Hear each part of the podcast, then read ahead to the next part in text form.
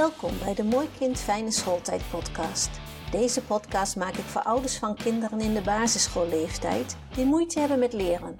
Dit kan ontstaan omdat je kind de taal van school niet begrijpt of school begrijpt de leerwijze van je kind niet goed, maar dit kan ook andere oorzaken hebben. Wil je als ouders voorkomen dat je kind vastloopt of het zelfvertrouwen verliest? Ga je bij de eerste signalen gelijk op zoek naar begeleiding omdat je denkt in mogelijkheden? Dan is deze podcast gemaakt voor jullie. Want ik weet dat er nog heel veel mogelijkheden zijn voor je kind. Met deze podcast help ik jullie graag bij jullie zoektocht naar de beste ondersteuning. Deze podcast gaat over het ontstaan van ons alfabet en over hoe ontstaat nou dat kinderhandschrift. Wat komt er allemaal bij kijken? Zolang er mensen zijn, wordt er geschreven. Al was het maar met een vinger in het zand. Altijd is er de behoefte geweest om een spoor achter te laten. Niet voor niets zeggen we: wie schrijft, die blijft. Wat we van vroegere beschavingen weten, weten we dankzij het schrift. Op steen, papyrus, perkament, berkenbast of papier. En met vele verschillende schrijfinstrumenten. Het is vaak moeilijk te ontcijferen, maar er zijn toch veel gegevens bewaard gebleven om ons te laten weten hoe de mensen toen leefden. Al in het oude Egypte stond de schrijver in hoog aanzien. Dat ook de gewone man kan schrijven is pas van de laatste eeuwen en heeft een grotere mondigheid van de burger voortgebracht. Je kunt meedenken, meepraten en besturen als je kunt lezen en schrijven. In het eerste begin werd getekend wat uitgebeeld moest worden. Na beeldschrift ontstond het tekenschrift, dat al veel symbolischer was. Ook kostte dat minder tijd. Wel moest je met de code bekend zijn. Hoe veelvuldiger en intensiever de contacten tussen de volkeren werden, des te meer groeide de behoefte aan een schrift van eenvoudige symbolen. Hier ontstond dus ons alfabet. Het materiaal waarmee gewerkt werd, heeft mede de vorm en de grootte van de letters bepaald, bijvoorbeeld van de bijtelsteen of het veerpapier. Maar om meer tijd te winnen werden de letters daarna met elkaar verbonden tot een ononderbroken schrijfbeweging per woord. Een vorm ontstaat door een lijn te sluiten. Maar hoe ontstaat nu een lijn? Allereerst is er een uitgangspunt nodig. En we zetten letterlijk een punt op het papier op de plaats waar we willen beginnen. Die punt moet in beweging komen en zo ontstaat er een lijn. De lengte is geboren. Dat zou tot in het oneindige door kunnen gaan. In het handschrift heeft een lijn drie onderdelen: het beginpunt, het eindpunt en de ruimte tussen die twee. De lijn bestaat uit een reeks punten. Wanneer de schrijver met dezelfde kracht per tijdseenheid werkt, die kracht verschilt van persoon tot persoon. Dat is ook de reden dat kinderen eerst moeten oefenen met het materiaal. Ze ervaren hoeveel kracht er voor nodig is om bijvoorbeeld met wasco een lijn te maken. Deze vervolgens te laten slingeren, te laten kruisen en weer tijdig te laten stoppen om niet op tafel verder te schrijven. Het werken met water en een kwast vergt weer andere kracht, maar wel minder. Laat peuters en kleuters als het ware de geschiedenis van het schrift opnieuw ervaren en alle stadia nogmaals doorlopen. Met de vinger in het zand, met een stokje in klei, verven op papier, werken met krijt, lei, griffel, kleurpotloden enzovoort. Al deze ervaringen vormen een databank die bij het leren schrijven goed van pas komt. Het kind weet dan waar te beginnen en hoe de lijn met of zonder kracht te sturen en op de juiste plek te stoppen. Pas dan komt het maken van een vorm aan de orde. We moeten niet te snel een vorm verwachten. Pas als het materiaal beheerst wordt en de motoriek zover is, kan aan vormen of lettervormen gedacht worden. Vanuit het oefenen in de lucht, het eigen lichaamsbesef, het luchtschrijven boven de tafel, naar het vrij oefenen op een blanco vel papier. Ieder op het bij zijn of haar ontwikkelingsfase passend formaat. Je moet al heel schrijfvaardig zijn om een gevraagde vorm tussen een gegeven ruimte van twee lijnen te krijgen.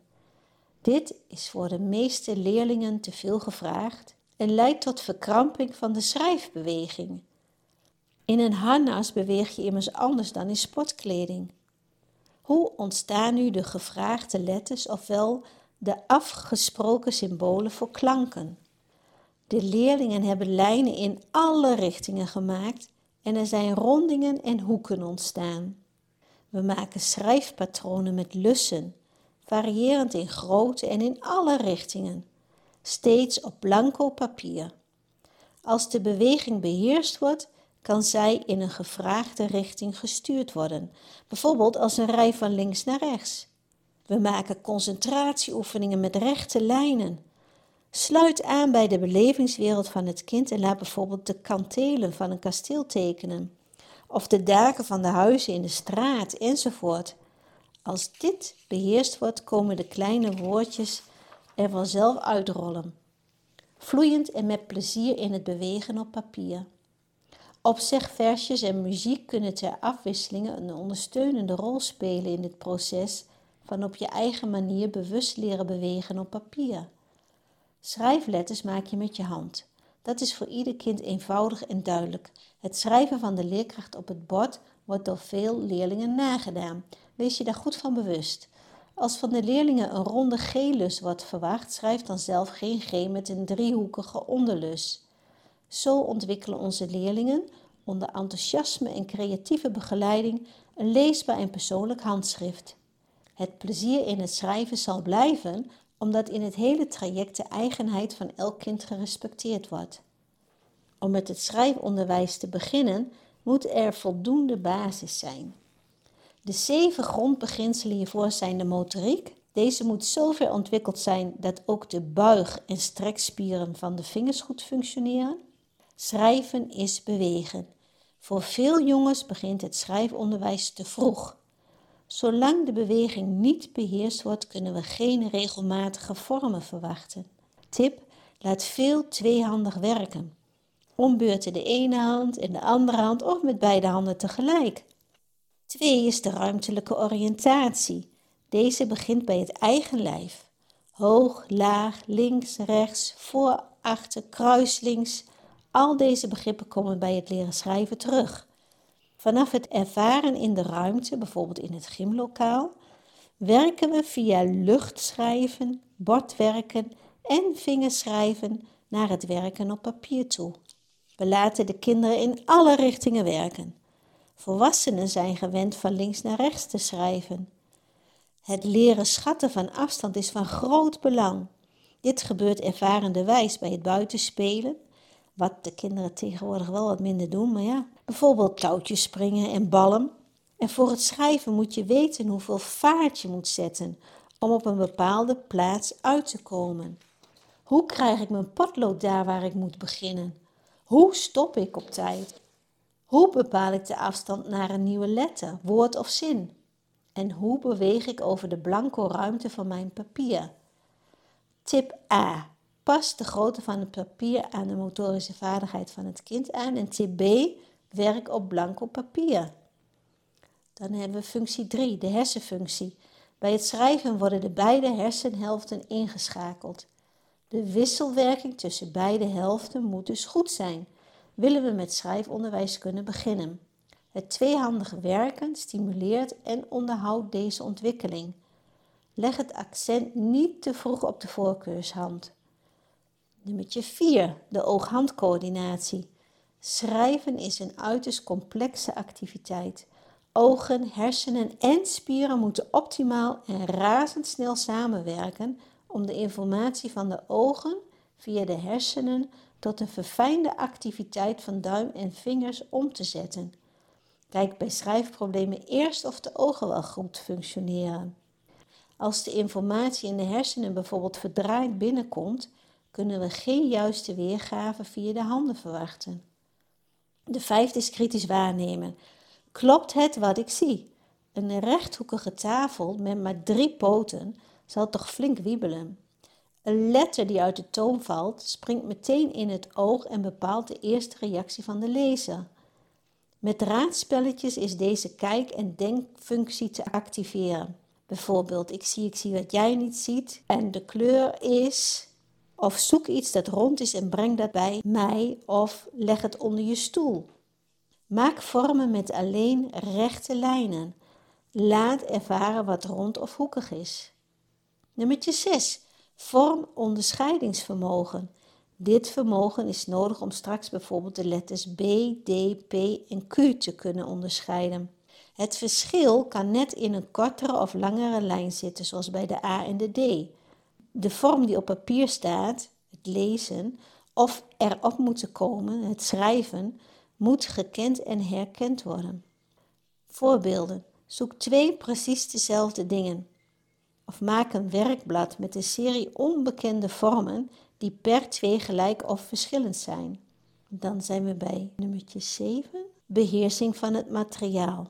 Van voetballen weten we hoe belangrijk de balbeheersing is om te kunnen scoren. Het goed kunnen beheersen van het materiaal is ook voor schrijven een voorwaarde om tot een goed resultaat te komen. Het krijtje, het penseel, het potlood en de pen moeten gestuurd worden en ook nog binnen de gegeven ruimte. Het vrij kunnen ervaren is hierbij een vereiste. Hoe hard kan ik op de schrijfschrift en op het papier drukken? Glijdt het stroef over mijn papier als ik hem zo vasthoud? En als ik hem dan weer zo vasthoud, dan stuurt alles weer anders. Hoe voelt het? Hoe leg ik mijn papier? Een goede tip is hier werk met sponsjes of kwastjes en penselen op het bord. De veelgeziene witte knokkel is dan niet nodig, dus te gespannen iets vasthouden. Bij het ontwikkelen van al deze voorwaarden is de leerkracht van onschatbare waarde. Allereerst is het scheppen van een prettige atmosfeer voor ieder kind van groot belang. Pas dan kan het zich optimaal ontplooien. Ook wordt er een groot beroep gedaan op de inventiviteit, de creativiteit en de flexibiliteit van de leerkracht. De taalondersteuning is heel belangrijk. Bedenk zelf oefeningen en spelletjes die bij jouw groep of bij dat specifieke kind passen. Beloon wat lukt en bouw dat verder uit. In de praktijk worden al deze voorwaarden in de groepen 1 en 2 spelende wijs ingeoefend. Het vraagt nogal wat van de leerkracht. Maar de beloning is de basis voor een persoonlijk vlot en vaardig handschrift. Dus dan is er wel weer heel wat gewonnen. En jullie weten dat als het schrijven toch niet zo op gang wil komen, dat er nog andere oorzaken kunnen zijn die dit tegenwerken, of het in ieder geval niet makkelijk en soepel laten verlopen. Gelukkig kunnen deze kinderen echt wel verder geholpen worden. Kijk voor meer interesse op mijn website. Dit was het weer. Tot de volgende keer. Bedankt voor het luisteren naar deze podcast. Wil je meer Mooi Kind Fijne Schooltijd podcasts beluisteren? Abonneer je dan op deze podcast. Luister je via Spotify, klik dan op volgen en op het belletje, dan krijg je een bericht als de volgende podcast er is. Vertel ook anderen over deze podcast. Heb je aanvullingen, ideeën of tips, dan hoor ik dit graag. Je kan met me in contact komen via Instagram of LinkedIn. Een mail sturen kan ook. Stuur deze dan naar info.eigenleerweg.nl En natuurlijk mag je ook een review achterlaten. Heel graag tot de volgende aflevering.